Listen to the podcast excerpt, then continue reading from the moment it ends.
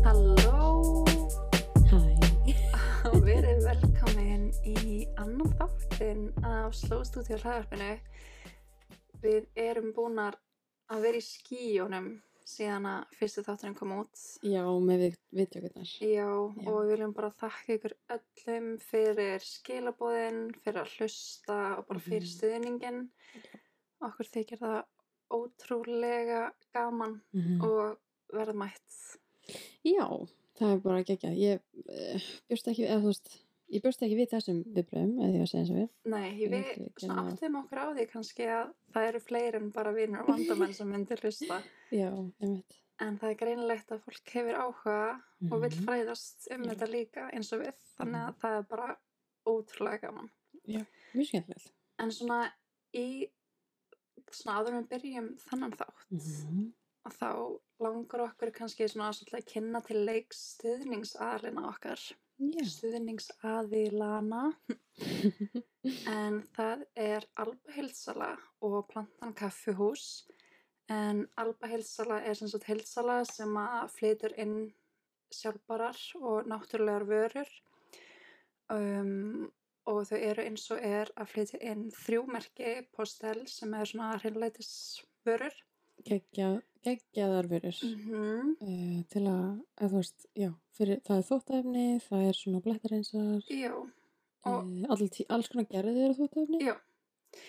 og það sem aðal uppistaðan er sítruna af því að Mhm. síran í sítruna er ótrúlega bakteríudrefandi og það er rosa lítið af plast eða þú veist vörunar eru aðalega í sko pappisumbúðum þannig að hérna þetta er þú veist sápan er í föstu formi blættarinn sem er í föstu formi þannig að það getur verið í pappirsumbúðum Mm Ótrúlega fallar um búið líka. Já. Sem skiptir líka málið. það skiptir rosa miklu máli hjá svona fagur, fagur kerum Já.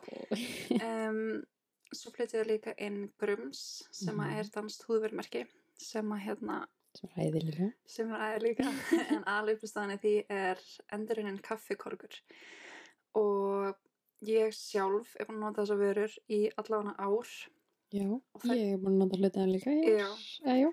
Rúmlega. og að það taka eru þér. geggjaðar Mhm. og hérna Ég elska kaffi skrúbin sem maður notar í Andlitsskrubbinn. störtunni.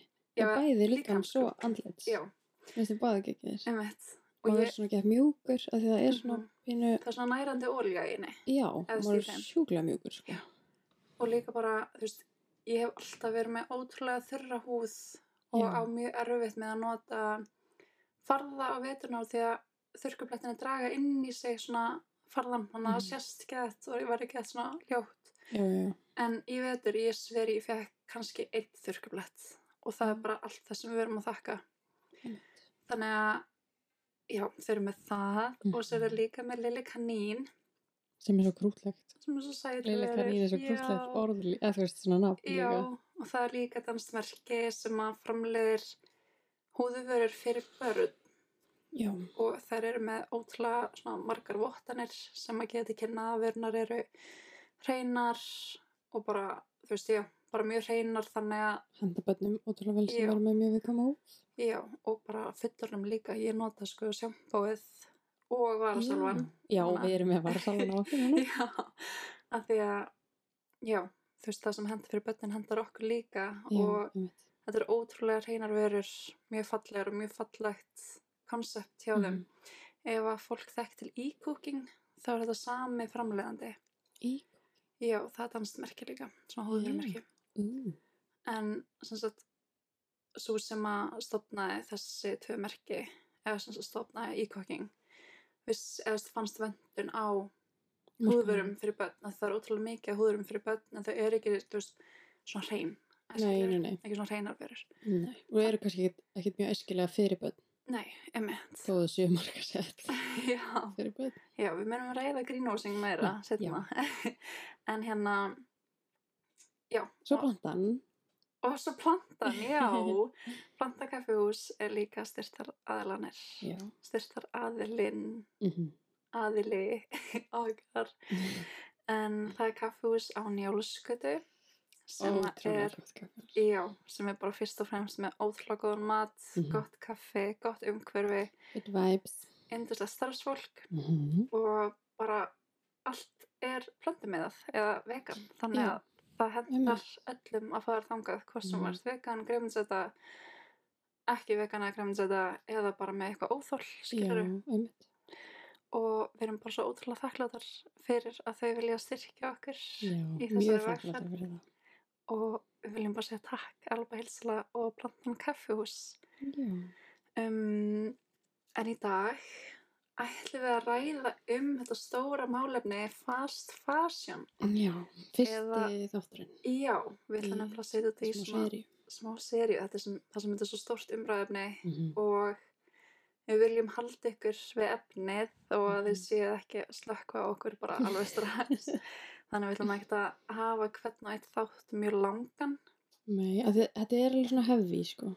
Um, þetta er, og það er svo margir angar af þessum innæðin sem er hægt að kafa ofan í og við viljum náttúrulega kynna þetta sem best og fræðast sem mest og þess vegna ætlum við að skipta þessu niður í, í nokkra þettir svo þessi auðveldara meðtaka. Já, og við viljum gera það svona svolítið snemma að því við Mhm. myndum nota þessi hugtök, fast fashion, Greinhúsing. já, við myndum nota þau mjög oft í þessari hlaðvarpsvegferð Mm -hmm. og, og langar bara að allir séu með að nota um hvað þessi orð þýða og þessi hugtök.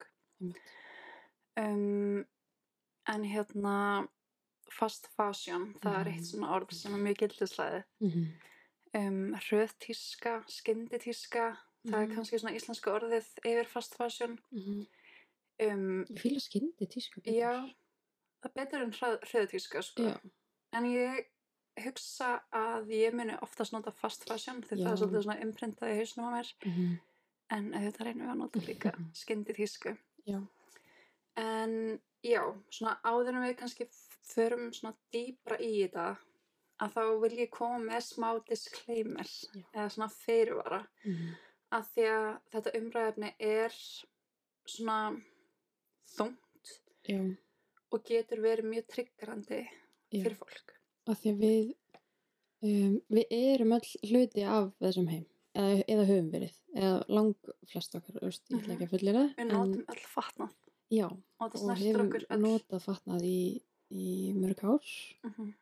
og, og já, og lang flest okkar hafa keft fast fashion sem að er bara allt í þessu besta Já, og við erum ekki hér að dæma. alls ekki, Við, þú veist, þótt að við séum meðvitaðar að þá erum við bara að reyna að gera okkar besta.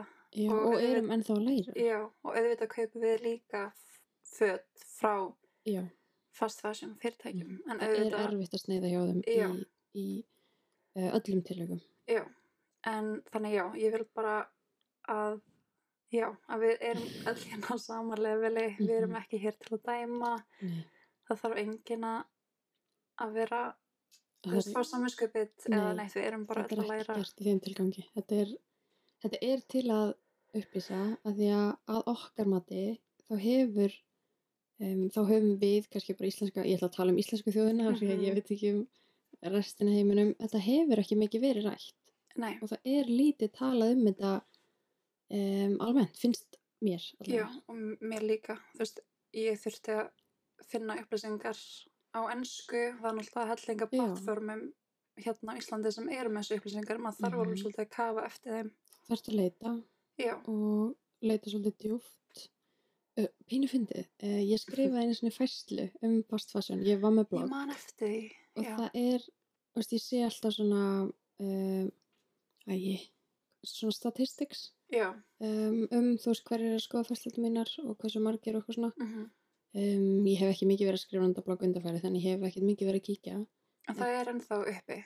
það er ennþá til Ok, ég mæri með að skoða fæstina í SS. og þú veist, ef þú googlar hvað er fast fashion eða Mhm. bara fast fashion á Íslandi þá kemur upp færslan mín Okay. Og það er- alltaf verið að skoða hana og ég held að sé að þetta er bara eina fáum íslenskum uh, fæslum til held Já, ég, um þetta Þetta- mál úst, á einhverju svona aðgengilegu máli Já, sem er einmitt. ókslega gaman fyrir mig Já, það en er pínu grilla samt Já, það er eiginlega líka bara svolítið sorglegt að vissu Já. leiti. Um, ég skrifaði sem sagt bíaritgerna mína um sem sagt sem hétt Anti-Consumerism Pro-Environmentalism mm -hmm. og fjallaði um kaupheðin Íslandinga og hvernig er hægt að hafa jákvæð áhrif á kaupæðan íslendinga Mm.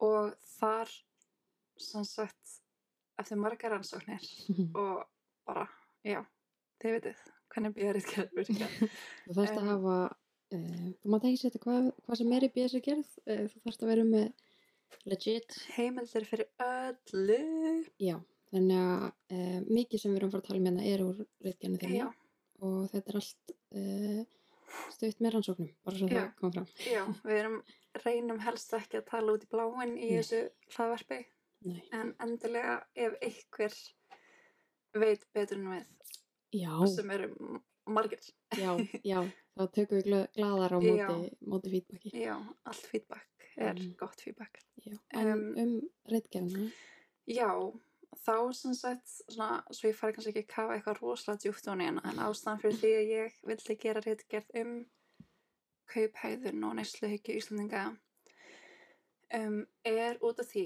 að neysluhyggja Íslandinga er eins og stærsta eða sem sagt svo hæsta í Evrópu mm. en árið eða var það allavega, þú veist, og 2019 Já. sem sagt það það var ekki mjög langt síðan. Nei, og það líka, þú veist, þessar rannsóknir og þessar upplýsingar koma aðalega frá árinu 2019 Mm. og auðvitað þegar COVID kom og það náttúrulega hafi það mikil áhrif á Já, yðinaðinn bara Mhm. í hilsinni. mm. Þannig að við erum mjög meðvitar um það. En Já. svona þessar tölur og rannsóknir eru aðalega frá 2019. Mm. En já, sem sagt, í reitgerðinni að þá fann ég rannsókn sem síndi að hinn almenni Evrópabúi losaði sig við um 11 kíló af fatniða skóm að meðaltali árið 2019. já. Hins vegar var Mhm. talið að hver Íslandingur að meðaltali losaði sig við um 15 til 23 kíló af fatniða skóm á ári og samkvæm tölum hagstofunar voru sem sagt rúmlega 3700 tonn að fatnaði og öðrum textilvörum fluttar inn til landsins á árinu 2019 og þú veist þessi tala er náttúrulega gæti verið umtalsvert herri vegna þess að náttúrulega ótrúlega margir sem fara í verslunarferðar erlandis Já, og já, já. mikið að fatnaða sem kemur bara í okkar persónulegum töskum Já, já, einmitt. Og það, það, já, þannig að það er ekki tekið með henni myndina. Mhm. um, sama ár sem sett 2019 um, voru nokkur tonn af textilvörum gefindir Rauðakross Íslands til endur notkunnar og endurvinnslu Mhm. Mm. en hins vegar voru auka nokkur tonn af textilvörum fundin í ruslinu sama ár Já, þannig að greinlegt að við erum sem sagt alls ekki nægilega meðvitið um kaupiðan okkar og bara almenna nýsluvenjur nei. og Já, það vorum allavega ekki. Mm. nei, Þú veist, vorum erum, ég, þú veist, það er ekki hægt að fullir það. En þess að tölur gefa samt að kynna að, að Íslendingar eru að kaupa mjög mikið Mhm. og losa sig við, við mjög mikið á sama tíma. Já. Og það segir okkur alveg eitthvað. Já. Að það vanti upp á einhverja fræslu eða eitthvað. einhverja vitundavakningu kannski, 100% sko um, já, og m- sko það er mín tilfinninga frá 2019 sé kannski það sé búin að vera einhver vitundvakning mér Mhm. finnst ég sjá aðeins meira og meira en kannski er það bara því að það er fólki í kringum mig og ég já, maður er svona heimur berghættur svolítið. lítill í kringum mig Mhm. um, að því að svo kemur bara sein til sögunar á TikTok og eitthvað og Já. En það er ann- önnur hérna umræða en það var líka rannsókn sem að síndi fram á að því ég gerði nú reitgerna sem sagt 2020 mm og þá voru alveg rannsóknir sem síndu að COVID væri að hafa áhrif á, sem sagt, jákvæða áhrif á kaupæðan fólks. að það? Já. ok, Það síndi fram á að þú veist fólk verður meira meðvitað að hægfarlífi mm -hmm. emmi og allt helst þetta í hendur Já. sem er líka stóra ástæðan okkur við erum að tala um þetta í þessu laðvarpi. Já. Um, Ok, það er bara frábært. Ég, sko, ég hefði haldið að COVID hefði ytt þessu í hináttina. Það hefði allir bara verið heima að vesla niður. já, já. En- En hérna, bara frábært ef það hafa verið, Mm ég gæti ekki henni að vera einhver jóka áhrif, sko. Já, ég reynd kannski næsta, næsta þætti um fast fashion, kannski verðum við búin að skoða nánar áhrifin sem COVID Mm -hmm. hefur gert Einmitt. þar sem við erum ekki alveg með tölunar á hreinu núna Mm, nei. en svona tilfinningin og þessi umræða um sem sagt, það sem ég fann fyrir reitgerna var að COVID myndi hafa áhrif Já, einhver jákvæð áhrif. já og núna eru tvö ár bá tvö ár síðan Tvö ár síðan. þrjú Það ár er síðan Mm. Þrjú ár síðan, það er 2023. það er 2003 Já. oh my god já það er þrjú ár síðan að COVID já Já, jæja. já já já, já. Um, en, já, sko, já, þú gerir þetta 2019, eða þú veist, töluðum þín eru frá 2019. Já. Um, sko, eins og ég talaði um sérstætti, 2019 er sko árið sem ég byrja að huga eitthvað að svona minni kaupæðun Mhm, um, sem gefur til hérna en ég var ekkert með þetta um hana mhm, árið, eða þú veist, fyrir og, og mér finnst, æ, ég var búin að segja þetta, en mér finnst bara Íslandingar ekki vera nægilega upplýstir, upplýstir mhm. um hann heim sem, og líka það, það kemur mörgum ótrúlega óvart að hlutinir eru svona mm -hmm. óvart á þann hátt samt að þeir vilja vita meira já, já, ummitt, um, sem er bara ótrúlega jákvætt bara frábært, sko. Og það, þú veist, þú getur ekki auðvitað er við að kaupa mikið og eyða mikið ef það er Mhm. enginn að segja okkur að þetta sé slæm, nei, þá bara hugurinn fer ekki ángað. nei, Það þarf einhver að planta einhverju svona fræi. já, en 100% það hefur svo lítið verið gert hinga til um, sangat minni reynslu Mhm. en ég get ekki tala fyrir fleiri nei, alveg, algjörlega sko og líka bara svona við Íslandingar erum mjög góði vön og við Mhm. þú veist, þessir við upplifum kannski að þessir hlutir hafi ekki mikil áhrif á okkur. já við erum líka svo einangröð Já, við erum bara lítilega já já, einmitt. Þannig að við svona, það sem við gerum á Íslandi hefur auðvitað líka áhrif á það sem gerst út í heimi og öfugt. já, einmitt Um, um, en núna sko það er kannski ágætt að taka fram að þegar við tölum um bara meðar Íslanding um, og að því við erum að tala um kaupiðin og neslaðin og svona uh, auðvitað er fólk misjönd auðvitað Já. er fólk í mismunandi aðstæðum það er að kaupa mismunandi mhm, Mm. og um, já við erum að tala um bara svona hinn almenna neytenda algjörlega sko. sem er bara, þú veist, lifir hinnu almenna lífi með bara meðalaun og Mhm, já, þið vitið hvað við erum að meina mhm, við erum ekki að tala um tilfellin um, þar sem fólk hefur kannski ekki mikið um alla handana mhm, og e, getur ekki keift þú veist, er almennt ekki að kaupa mikið og ef það kaupir þá er það fastfæsuna því það Já. er útýrara mhm. og það er allt annar Vingill á þessu. vingil sem við þurfum að ræða bara síðar Já, og þú veist, þeir sem að geta keft betur og gert betur hafa meira með handana mm -hmm. að þetta er kannski aðalega einblind til þeirra að þau verum mjög meðvitið og það er ekkert allir sem að geta já, þú veist, við erum bara öll að reyna að gera okkar besta já, og að gera það sem við getum gert já, bara það fer svo mikið eftir að í hvað aðstæðan þú ert Já. þannig að alls ekki fá, eða þú veist, alls ekki láta það líða illa ef að Nei, við erum alls- alls ekki eitthvað svona að dæma fólk sem að er að kaupa fast fashion að því að við gerum Nei. það líka eða Já. þú veist já, þetta er bara en sko, í rauninni ástæðan fyrir því að við erum að tala um þetta er bæði til þess að að því að Íslandingar eru með almeðatali frekar lélega kaupæðin eða svona neikvæða kaupæðin mm -hmm. en fataðinarinn hefur í rauninni líka bara ótrúlega neikvæð áhrif á svo margt Já. og þú veist, svo marga þætti einhvern veginn Mm -hmm. og marga vingla Mm -hmm. og má þá helst nefna bara umhverfið Mm. umhverfisvend sjálfbarni og allt þetta mhm. og bara manneskjuna Já. þeir sem er að gera vöruna Já. framlega vöruna framleiðana búin til já, um, og eru í ákveðnum aðstæðum. já. þannig að sem sagt, næsti þáttur þá munum við kafa dýbra í hvað fataðinarinn hefur á umhverfið Mm -hmm. og þátturinn eftir það munum við hafa Það munir fókus á, á manneskjuna. já, sem sagt, Eða næsti fast fashion þáttur Já, einmitt. Í þessari fastfæsjón seri. Já. Um, sem sagt, en af hverju, þú veist, við höfum notað föt bara alltaf í Öru raun- já. um, og staðan hefur ekkert alltaf verið svona Þú veist, við höfum Nei. ekkert alltaf verið í þessum kauphæðurnar brjálaði skilur Nei.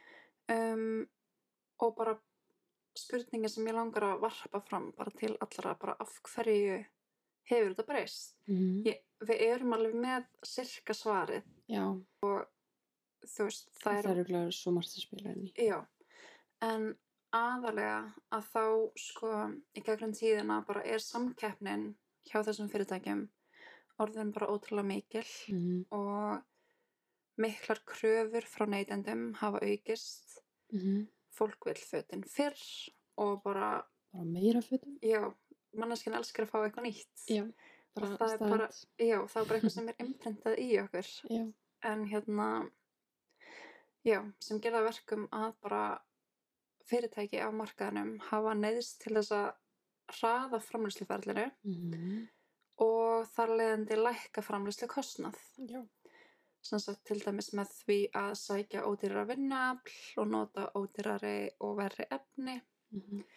þannig að fyrirtæki hafa annarkvort bara færst yfir á þennan fast fashion markað, kannski fyrirtæki sem voru ekki fast fashion áður Nei, voru ekki í svona hröðu framlæslu nei, en Nei. þurftu að gera bara út af samkeppni Já, Og- bara til að geta haldist inn á markanum. eða þá bara fyrirtæki sem hafa um, fæðst í þannan markað Já, þú veist, það var bara, þau voru stopnuð með það að markmiði að mm vera með hratt framsluvelli.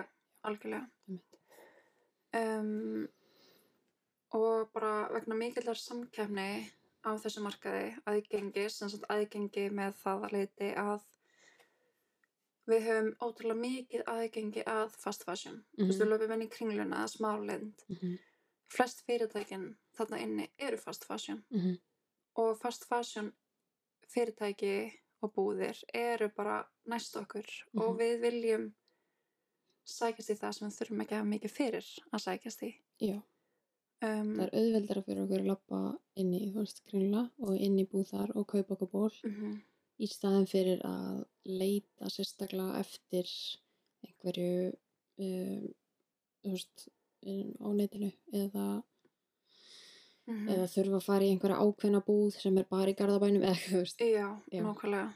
Um, já, sko, mér langar svolítið, Mhm. svona áður en við köfum dýbra í fast fashion og svona áhrif þess, þá langar mér svolítið svona að fara yfir hvað fashion eða bara íslenska orðið tíska er Mhm.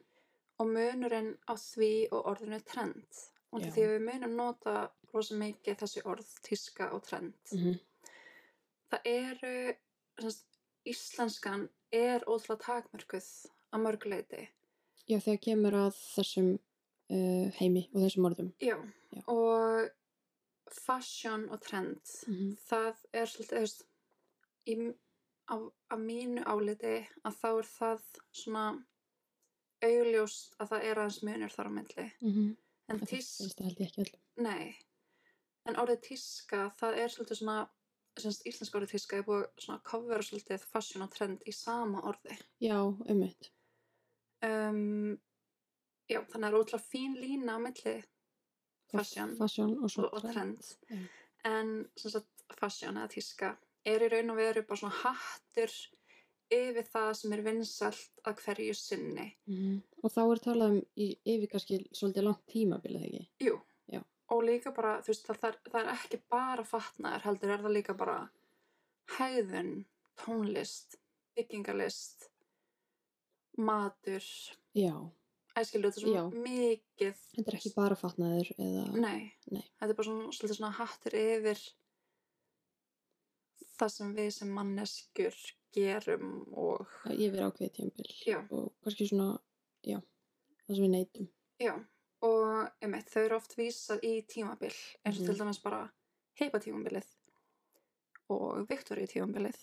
Þá Ó, setjum við 80s, svo- Já. Já, einmitt. þá setjum við okkur ákveðna svona ímynd af því hvernig tímabili var, fatnalega, hæðunarlega, Mhm. byggingalega. Já. Á meðan orðið trend vísar meira í það sem er í tísku að hverju sinni. þú veist bara ok, hárgreislur, útvíða buksur og trendin setja saman tísku. já, ok, Er ég útskjöta nóg vel? já, ég held það, já. Þannig að, Þú veist, ef ég ætti að, hérna, bara svona, taka þetta í nútíman, mm e, tíska er til dæmis um, það sem er núna bara vinsælt, almennt, Mhm. e, og það tengist á bara batnaði, mat, e, byggingalist og allt þetta. Mhm.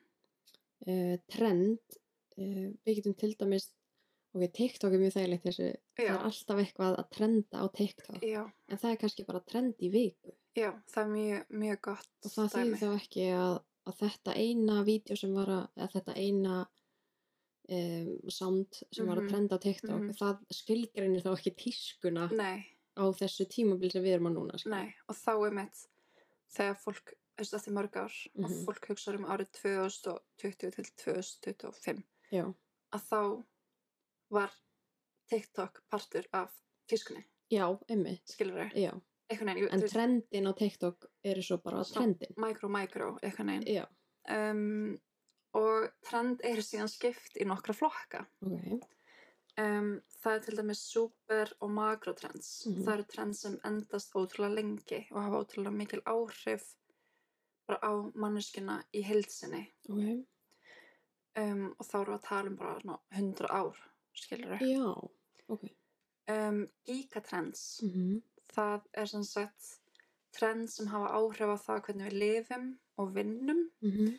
og endast þau oft í svona 20 til 30 ár ok um, megatrends er síðan næst Mhm. og þau hafa áhrif á pólitík og það sem okkur finnst rétt eða rám Ok, og svona meira svona hugsun okkar eða Já. svona manneskjan í hugsunum Já. og það endist í svona 37 ár ú, ok, áhugavert. síðan fyrir við í fashion og style trends sem er svolítið svona það sem við erum að einblýna á í Já. þessum þáttum Mm -hmm. en það eru trends sem að endist frekar stutt en hefur sko áhrif á næstu trend Já, þannig að trendi sem er núna í dag, það er að fara að hafa áhrif á næsta trend. Já, Ok. og við, þú veist, við sjáum líka bara það sem var að trenda árið 1970 Mm -hmm. er að koma aftur núna. Já, Þú já, veist, já, Þannig, já. og það er alltaf að tala um að tískan fer í ringi, Mm -hmm. en það er bara þegar tískan hefur áhrif og trendin hafa áhrif á hvort annað. Já, já, já, einmitt. Ok, um, og auðvitað all þessi trend sem sagt frá super og makrotrends til fashion og style trends hafa náttúrulega bara áhrif mm -hmm. í heilsinni Já. um, og til dæmis bara megatrends og gigatrends það kannski getur líka haft svolítið áhrif á punk tímabilið já, einmitt. af því að það var svona rosa politist Mhm. það sem var í gangi þá og Já. fólk var að klæða sig svona svolítið ekstrím til þess að ha- hafa Svona hátt. aggressivt til að Já. hafa áhrif á pólitíkina og eitthvað. Já. já, já. þannig að það helst allt í hendur Mm -hmm. um, á eftir fashion og style trends að þá kemur micro eða svona category trends okay. og það er svolítið það sem þú varst að tala um með TikTok Já, þessi litlu trend innan TikTok Já. um, en það endast mjög stutt mm -hmm. en hefur áhrif á sem sagt sem sagt bara ef við hugsum um neytendafyrirtæki Mhm. þá hafa þessi microtrends áhrif á frammistöðu verslana í framtíðinni um, microtrends er rosa mikið svona marketing já. það breytist ótrúlega stutt Og þeir sem vinna við, breytist hratt menni já, þeir sem vinna við eh, markastörf, Mhm. Þeir eru mikið að hoppa á micro og svona kategóri trends. Já. og Ok. og sem sagt til þess sko mér finnst mjög gaman að fara í næsta subject sem við erum að fara í Já. og margt sem að fólk Þú veit kendi mig þetta næsta Já. sem við erum að fara í, sko. um, og ég læri þetta bara út á skólanum Einmitt. um, dömur mínar og herrar og bara öll kyn á þessu landi tískan er plönuð Woo! og hún er plönuð mörg ár fram í tíman Já. það er ekki bara tilviljun að Mm. allt í hún er fjólublár út um allt Nei. Mm. þetta er allt planað Mér finnst það klikkar sko. Já, við erum bara eins og litla brúður í ykkur leikriti, sko. Já, að því, já, að því að svo maður bara býttu nú við þetta bara núna. Ég var bara, vá, ha, típist, ég var, Magnað. ég var allir í fjólubláum ból og núna er allt í fjólubláu. Bara, þú veist, það er búið að vera að planta litlum fræjum í hausin á okkur í Í mörg mörg ár. ár. Svo Um, fyndi sko. já, og bara til þess að fara hans svona út í þetta, Mm. Mhm, að þá hérna, þá eru sem sagt til svona trend labs, Já. eða svona trendstofur. Mhm.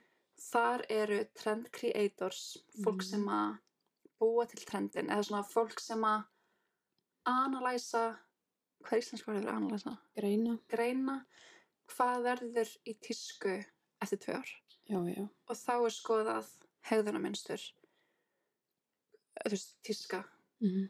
trend, allt sem hefur verið í gangi síðustu ár Mhm. og það er verið að, að greina hvað getur komið upp eftir tvö ár. Hvað sé að fara að koma út úr því sem er í gangi núna? Já, Og þetta er náttúrulega ótrúlega sálfræðarlegt. -hmm. og ótrúlega áhugavert. Já. Ég ætlaði að fara sem sagt, ég var komin með starfsnám í svona Já. trendlab, Alveg rétt. Ó, Það er Eh, ekki að já. þetta. svo kom COVID. og eiginlega. Já, Þannig að frendi minn greip mig sem á markastofu. en allavega, um, sem sagt, svona stæðstu trendlabs, það er til dæmis VGSN, Já. tvöfaldvafgSN. Mhm. og sem sagt, ég ætla bara að segja það núna þannig að ég þurfi ekki að segja það eftir að allt sem við svona allt sem við erum að tala um sem er svona okkur finnst að þið þurfið að skoða nánar Mhm. munum við setja á Instagram Já. þannig við erum ekki að fara að segja helling og þeir eru bara hm, Bíddu nú við, Hvað er ekki að hvað var skoða þetta aftur því það spóla og skoða Já. um, svo er Pægrúpen sem er svona Skandinavian svona forecasts eða svona Já, þau eru svona spá fyrir um fyrir, nei, Svona, já, svona skandinavisk trend já. að því já, skandinavisk trend er öðruvísi en trend í Ameríku. Einmitt. Þú veist að við sjáum það bara núna er rosa inn einmitt. trending, Gandhi er rosa trending. Scandi it girl á Já. TikTok, það vilja allir vera í Jerf Avenue og já, og já, og það er allir, Mhm. það er eitthvað svona Scandinavian staple pieces to wear. já, einmitt. það, og það er svona pægrúpen sem gerða. Já. Svo er DMOT, sem sagt DM og T, Já, og tala dansku sem er dansk möð og textil dansk, dansk tíks- tíska og textil Já. um, dansk möð Mhm. móð oh, dansk móði Já, það svo er hérna skrifstofa var á móti skólanum mínum já, þannig að við höfðum aðganga því að fara á þessa stofu Mhm. og oh my god, ég man á fyrsta árin skóla mínum að þá fórum við í svona vettfangsferð til DM og T Mhm. og hérna, þetta var svo surrealist og því að við mættum við þurftum að skilja síman okkar eftir að þetta er náttúrulega top secret dæmi já, þurftum að skilja síman okkar eftir það voru tveir verðir fyrir framann og við þurftum eins sem máttum vera með var penni og blað þetta er bara svona hernaðar lindamál Já. sem að enginn mátti, mm og fólk borgar stórar fjárhæðir til þess að fá að sjá þetta já, til að fá aðganga að þessum upplýsingum. já, Og þá erum við að tala um t- þú veist, tísku fyrirtækin borga Já. stóru fjárhæðir til að fá aðganga að þessum upplýsingum Já. um hvað sé að fara að trenda. og bara fata hönnir í Já, rauninni einmitt. og hérna og í þessum, þetta er svo ótrúlega flott þú kemur hérna inn og það eru bara um hvern fatnaður haust vetur 2026 eða eitthvað Já. Þú veist, ég held að það sé kannski max 5 ár fram í tíman ég er okay. ekki Ok. alveg viss en jú, svona cirka Okay. segjum bara svona 2-3 ár Mhm. um, og þetta er svona geðveitt flottar bækur sem Mhm. færði hendunar það sem eru bara litir, Snið, snið efni, já, allt sem þú sérð bara þetta Já. Mhm. er að fara að vera í tísku þarna og þar sem sagt, ég mæl með að allir fari inn á VGSN Mhm. eða bara google Color of the Year 2023 mm -hmm. 3. 2023, 2023 eh, 2023 um, það er núna sem sagt til dæmis er svona þessi djúp rauð apsningul litur svona röstig? Já. Ú, svolítið. Og það er löngu planað. já, En sem sagt þú getur, VGSN er með samt þú þarfst að borga aðgang til að vera, sem sagt, mhm, sjá svona þetta mesta. er mitt. En hérna, fyrir Nei, það, byrju, það er ekki röstig. það er ekki næst ekki. Þetta er svona Þetta er sem sagt rós. djúb rauðbleikur. Já, Já. Nei, nei, það er ekki röstig. En hann er vóðsættur. uh Ok, haldum mjög cool. Um, já, um, þannig að mælum með að skoða það. Mm -hmm. Ég sem markaðskona, eða þú veist, ég er Jú, jú. brand and content strategist. Já. Um, ég er með aðgang að VTSN af Mhm. því að þetta tengir líka það sem er að fara að trenda í markaðsfræði, Mm mm, mat, -hmm. Já, þetta er ekki bara tengt fötum. nei, en sko VTSN er aðalega tíska Mm -hmm. en bara pægrúpen það er líka með matartrend Já, og svona alls Svona konar. lífstíls. Mm Ok. um, síðan er svona trend demandir Já. sem að er ótrúlega áhugavert og við munum setja þannig demant Já, mynd af honum. mynd á honum á Inn á Instagram Instagram. þannig að ég geti aðeins skoða það Mm -hmm. um, efust á demantnum sem er bara rosa lítill hópur af fólki Mm -hmm. eru trend creators trend Já. creators er bara manneskjuna sem búa til trendin Mm -hmm. sem að getur verið bara hönnuðir, listamenn Mhm. einmitt svona sálfræðingar og Mm. Einmitt. sem að vinna á svona stöfum Mhm. þeir eru þannig alveg efst Já. um, síðan ko- fyrir neðan það koma trendsetters Mm. sem eru rauninni bara þeir fyrstu til að fylgja trendunum Veistu, trendsetters mm Mhm. -hmm. um, er, þú veist, á, er það kannski ég er svona að spá hvort að það sé svona, þú veist, eins og það er frekt fólk og eitthvað svona Mhm. og fólk innan bransans um, ég er að spá hvort að fyrirtækin segi þeim að fylgja trendunum eða hvort þau gera það sjálf Mhm. sko að sem sagt fyrirtækinu sem að vinna í bransunum já, eða þú veist, fólki sem vinna í bransunum hjá Já. fyrirtækjum í já, bransunum já, já, Um, ég held að þau gera það ómeðvendað já þau bara sjá eitthvað á tískuböllunum og Já. bara kopja það ef þú vilt vera í tísku mm -hmm. og vera svona á undan tískunni Mm -hmm. að þá ertu svolítið svona trendsetter já, um, og einmitt það er svona frækt fólk, áhrifavaldar og einmitt svona fólk sem vinni í bransunum mm um, fyrir neðan það eru trend followers Mhm. það eru neðan svona fólk sem er svipaðar í kategóri og trendsetters en bara í svona stærra magni Já. þú veist þannig að í því er líka frækt fólk Mhm. og áhrifavaldar en það er kannski meira fólk sem að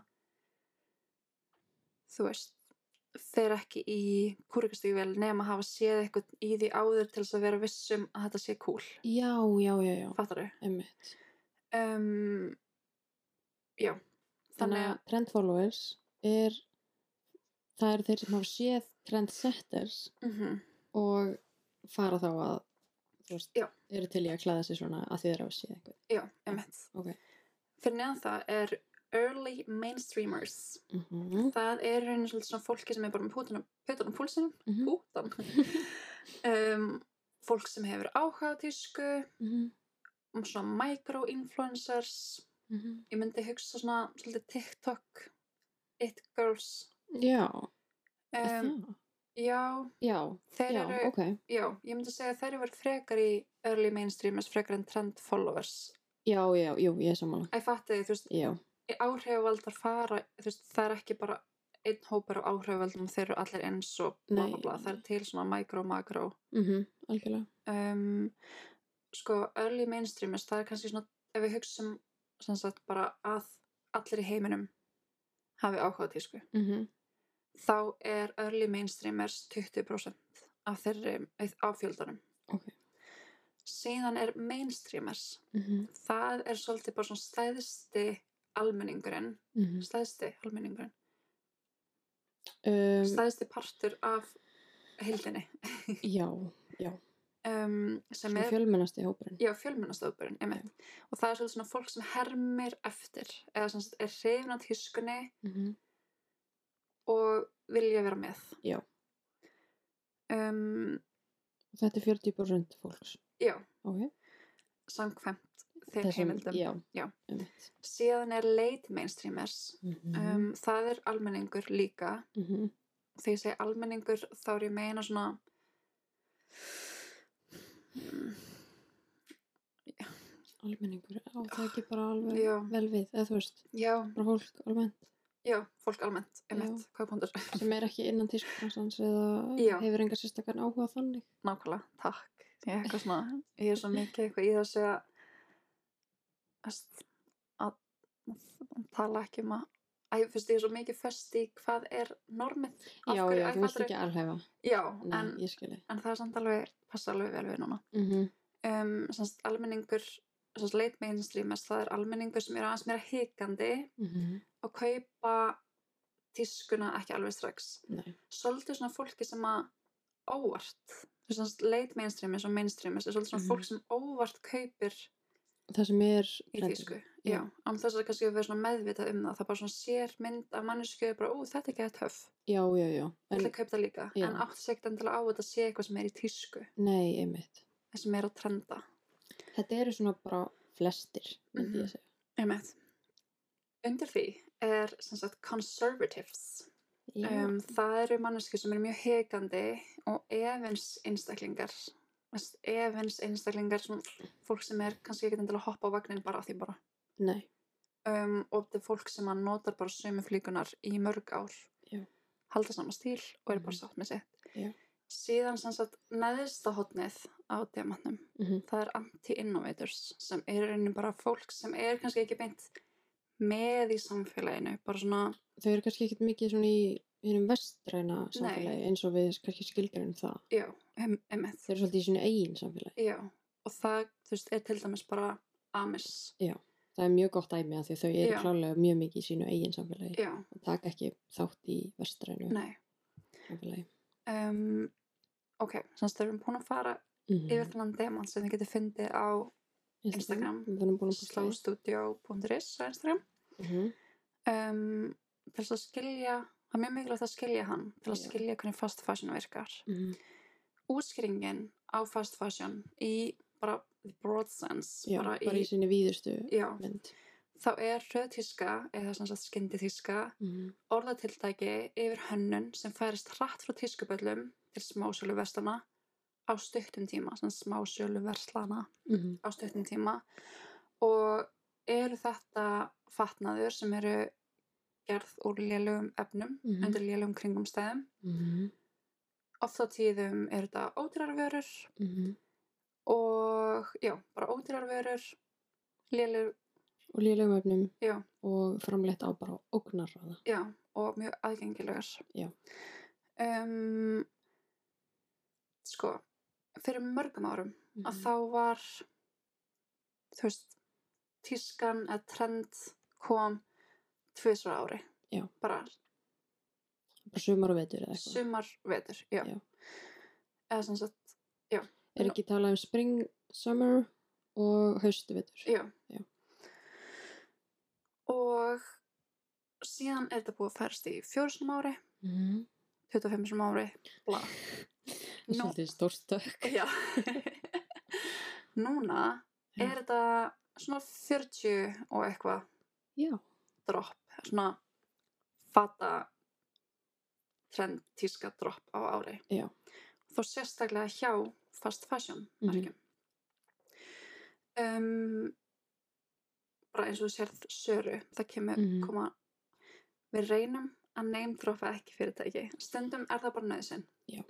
En bara Sara til dæmis, þá Og kemur þegar við erum kannski að neymdrapa, því að við erum, við erum að fara að neymdrapa svolítið stór fyrirtæki. Mhm, Um, við erum ekki að, við erum að tala um bara headquarters. Já. Þetta á ekki við um, um, útibúin, við erum ekki að taka sérstaklega fyrir hvernig varslanirnar eru reknar á Íslandi Nei. ef þær eru hér, mhm, um, af því það er allt annað dæmi. Já. Eða sko, Já, við erum ekki, við erum ekki að fara að henda ykkur með undir rútuna, sko. nei, við erum bara að tala um uh, eins og Sara, Mhm, þetta er bara reysa uh, fast fashion, bara reysi, Mhm, alþjóðlegur Mhm. og uh, allar ákvarðanir sem þar eru teknar eru teknar út í heimi. Það eru Já. ekki teknar í Íslandi. sem að Íslandingar þurfa að fylgja. Já, þannig að allt sem við segjum uh, þegar við erum að nefna eitthvað, það ávið um, um bara uh, stóra Aðalgaurinn. fyrirtækið. Já, Já. það mitt. Um, sem sagt Sara, það kemur ný lína í hverju viku. Já. Það er dæmi um, þú veist, í gamla dag það kom ný lína. Og þau taka það fram. Já. Þau taka fram um, að það er, Þú veist- Nýtt í hverju viku. já, og þau, það er bara eitt af þeirra gildum. sem er magnað. Já. Af því að það er ekki, að mínum að það er ekki kostur. Nei. Um, Ekki að mínum að þetta. Nei. Sem sagt, það sem út af trendin er búin til. Í- Ímyndum okkur tískuviku.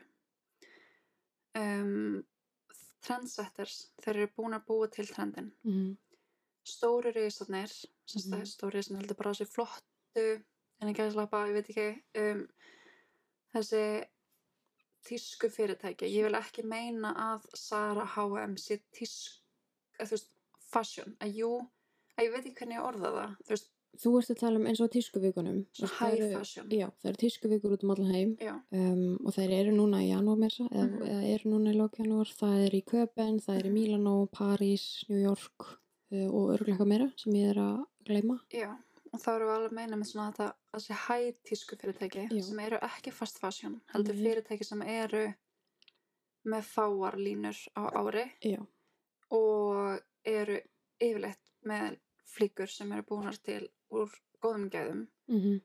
undir góðum aðstæðum. Mhm. Ég vil samt að það kom stert fram Mhm. að þó svo að flík kosti mikið, Mhm. þá er það alls ekki sama sem merki og að það sé flík sem er búin til úr góðum aðstæðum með góðum efnum.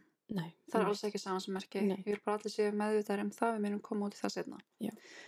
Um, þessir stóru fyrirtæki, þessast high fashion, seg, notum bara prata sem dæmi. Já, við erum að tala um Prada, Já. Gucci, Chanel, eitthvað Já. svona.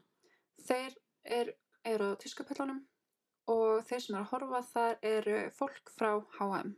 Mm Þeir eru með meða, punta neyður, það sem er að gerast. Já, búnda niður hvað þeir eru að sjá á tískupöldunum, Já. hvaða trend þeir eru að halda. Já, basically copya. Mm um, þar sem að um, targethópur H&M, Mhm. ef við horfum aftur á píramítan að það, targethópurinn þeirra eru mainstreamers, early Já. mainstreamers og mainstreamers, bara Mhm. almenningurinn Já.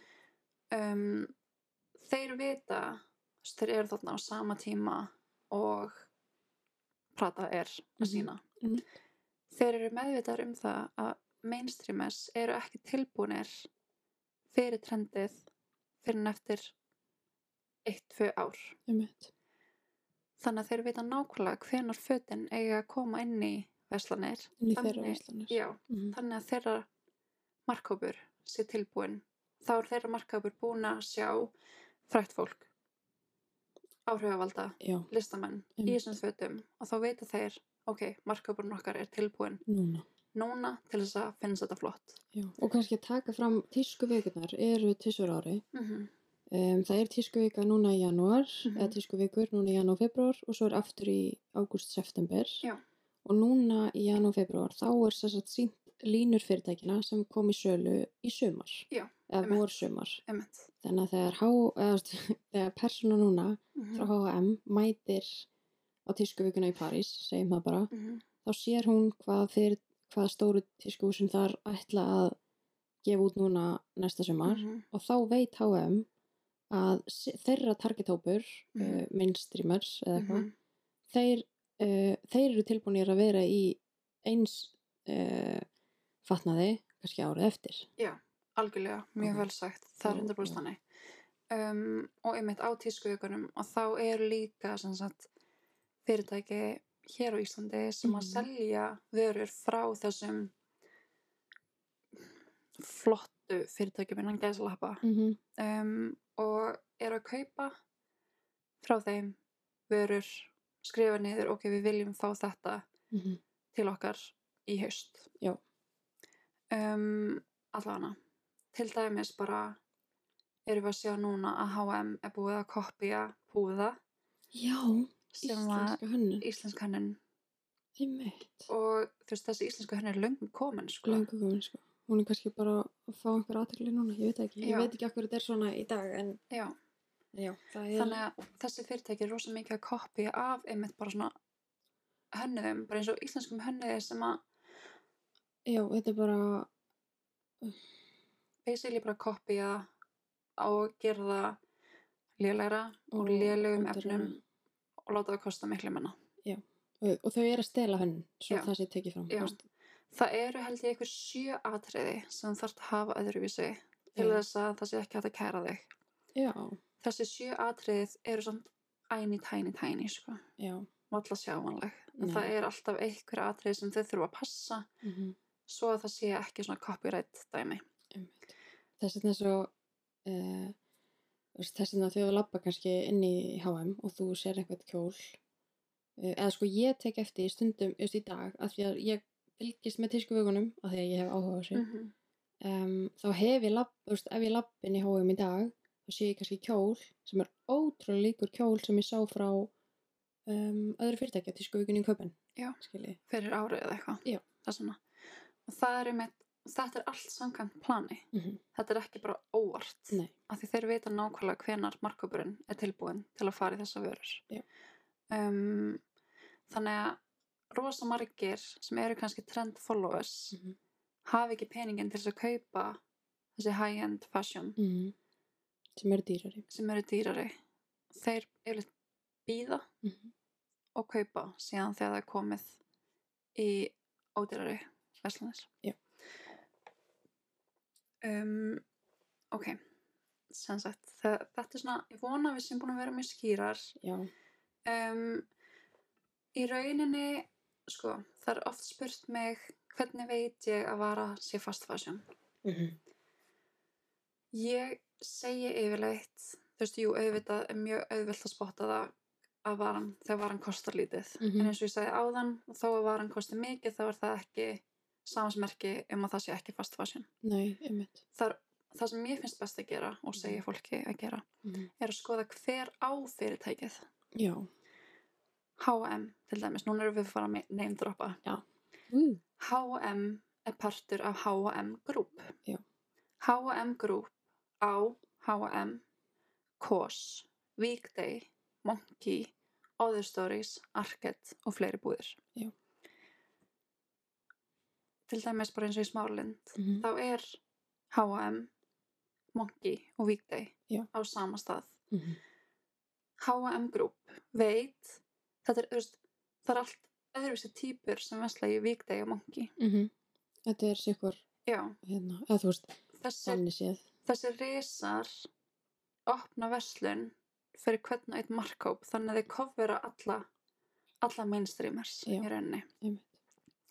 þannig að, og margir eru mjög hissa þú veist, sem segja, ég ætla ekki að kaupa H&M út því að, þú veist, núna er það þekkt sem að vera svona fast fashion fyrirtæki Já, það er svona almenn vitund já, mm -hmm. og fólk kaupir þá frekar úr Víkdegi að mangi, Af því það veit af því það ekki veit ekki að H&M grúp Já. eigi það og mér brá svo mikið því að ég held þegar ég var yngri mm -hmm. að Víkdei og Mongi þú veist, ég ætlaði mér alltaf að koma með Mongi til Íslands sko, þegar ég var lítill Það, Já, það dúlu, ég hafði ekki hugmynd um að Mongi var partur á H&M Group Nei, ekki ég það, Þú veist, ég held ég hafi bara átt að með það í 2019 sko Já, og þegar þetta kom til landsins mm þannig að þú veist, ég mæli með að fólk skoði ef þú vilt vita hvort það fyrirtæki sé fast Fast fashion, fashion. að sjá hver á það mm -hmm. ég ætla bara að nefna aðeins fleiri bara Mhm. þannig að þið séum aðeins svona að fatta hvað ég meinum Já.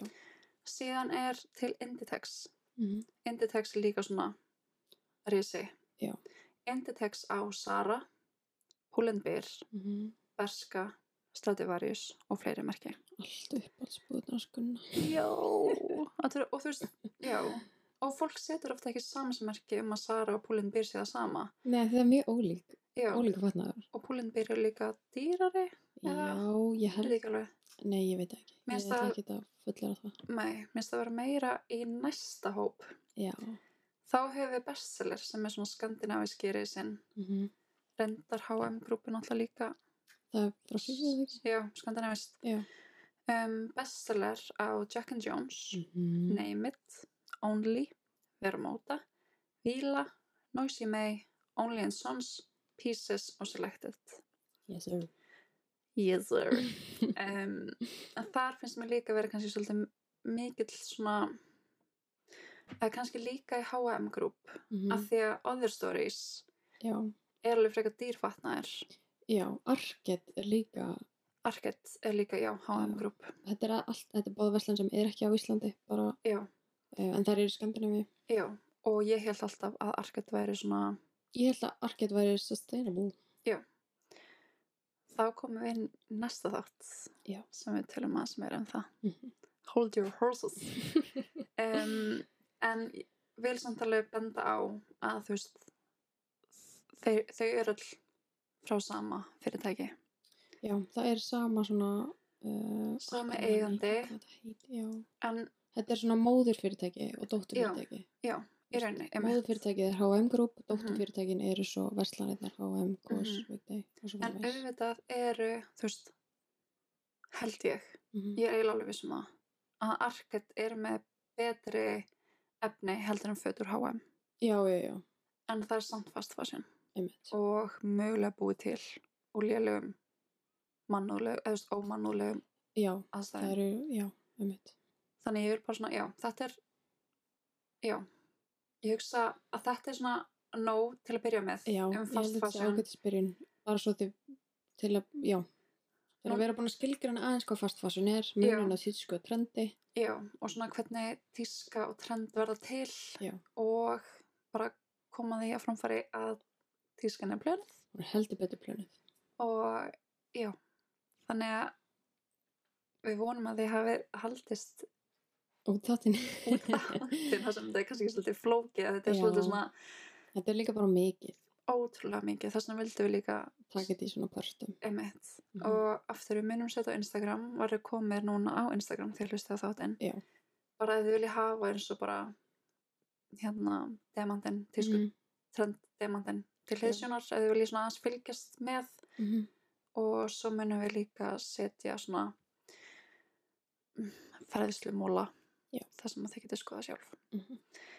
um, já, en já, bara ekki bara að segja þetta gott um Jú, byrni takk og- hérlega fyrir að hlusta Já, Eh, það er eh, hvað var ég að segja ég veit það ekki ég var kannski líka að koma fram að þættinni minn að koma aðra hverju viku já, út. Já. Svona kynningaþátturinn kom út fyrir viku. mhm, Um, við vildum henda inn þessum þætti strax bara til þess að, að það var svo ótrúlega margir sem hlustu á Já. fyrsta þáttin emmi sem var bara kynningaþáttur og við Mm. eitthvað að babla já, um okkur uh, um okkur. Þannig við vildum henda þessum þætti inn til að Mhm. setja smá svona línuna um það sem þetta hlaðvarp er svona svolítið að fara að vera um. Þetta Já. er svona meðvitið, meðvitað lífverðni. Já. Um, þannig að næsti þáttur kemur út eftir tvær vikur. Og Mhm. hann er góður. hann er góður. Við erum Já. ótrúlega spenntar. Við erum búin að taka hann upp, búin að Já. klippa hann. þá fáum við gest til okkar Eh, Já. það var svolítið gest sem við getum ekki beðið eftir að leiða okkur að heyri Já, og bara, já, Já. ef þið er að hlusta þetta á morgun til, eigið indislegan dag, mm -hmm. andið inn og út og munnið að þið eru frábærir einstaklingar, eða hlustum kvöld, góða nótt og svo, og neyta líka Nei. svo við vel og bara, já, já. einslan dag á morgun indislegan dag á morgun, en já, við, já, Sessa and Dora out.